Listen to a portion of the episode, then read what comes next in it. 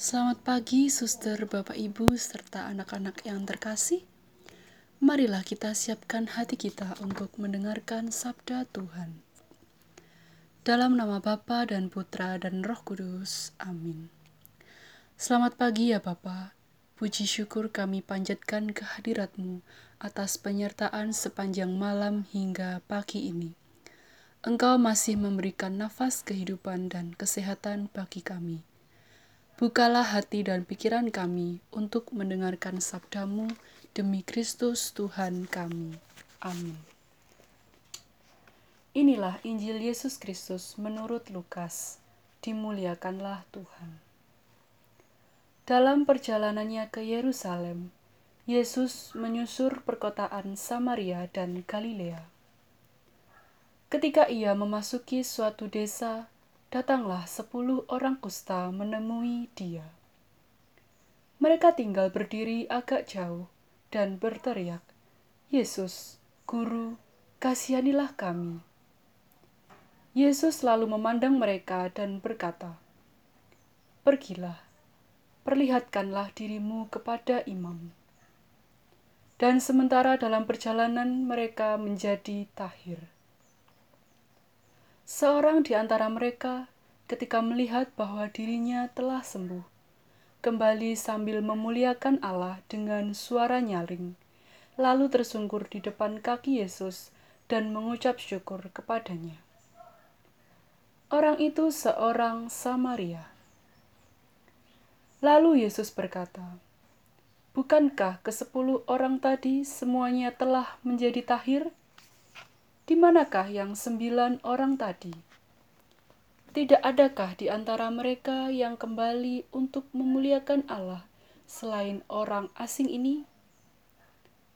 Lalu ia berkata kepada orang itu, "Berdirilah dan pergilah.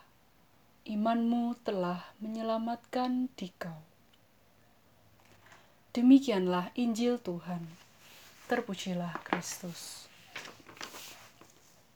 Saudara-saudari yang terkasih, Yesus dalam Injil hari ini mengingatkan kembali agar kita terbuka akan rahmat Allah. Berpikir pada situasi lingkungan sekitar kita jauh lebih berguna daripada selalu mencela dan menganggap rendah orang lain. Kita dapat hidup dan berkembang dalam iman ketika kita mau terbuka akan rahmat dan kasih Allah. Yesus sendiri memberi teladan kepada kita. Ia mau menyembuhkan sepuluh orang kusta yang memohon kepadanya. Hanya saja, tidak semua yang sembuh itu mau kembali dan bersyukur. Perikop Injil hari ini memandang memang sangat menarik Orang-orang kusta merasa membutuhkan Yesus, maka mereka datang kepadanya, berani berteriak untuk minta tolong kepada Yesus. Pertanyaan bagi kita adalah: apakah ketika kita mengalami musibah tertentu, kita masih punya waktu untuk berdoa kepada Tuhan, atau kita mengandalkan diri kita sendiri dan tidak membutuhkan Tuhan?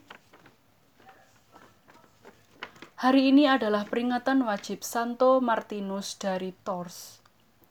Santo Martinus dalam kisah perjuangannya juga memberi teladan iman kepada kita, yakni segala sesuatu yang kita kerjakan memang tidak harus selalu kita tunjukkan kepada banyak orang. Yang terpenting adalah selalu mengucap syukur atas segala hal kepada Tuhan karena hidup kita adalah sebuah anugerah. Semoga melalui renungan singkat ini iman kita semakin dikuatkan. Amin.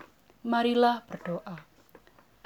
Tuhan, bantulah kami supaya setiap hari yang kami lalui selalu bersyukur kepadamu, meski kami memiliki pengalaman hidup yang berat demi Kristus Tuhan dan pengantara kami. Amin. Dalam nama Bapa dan Putra dan Roh Kudus. Amin.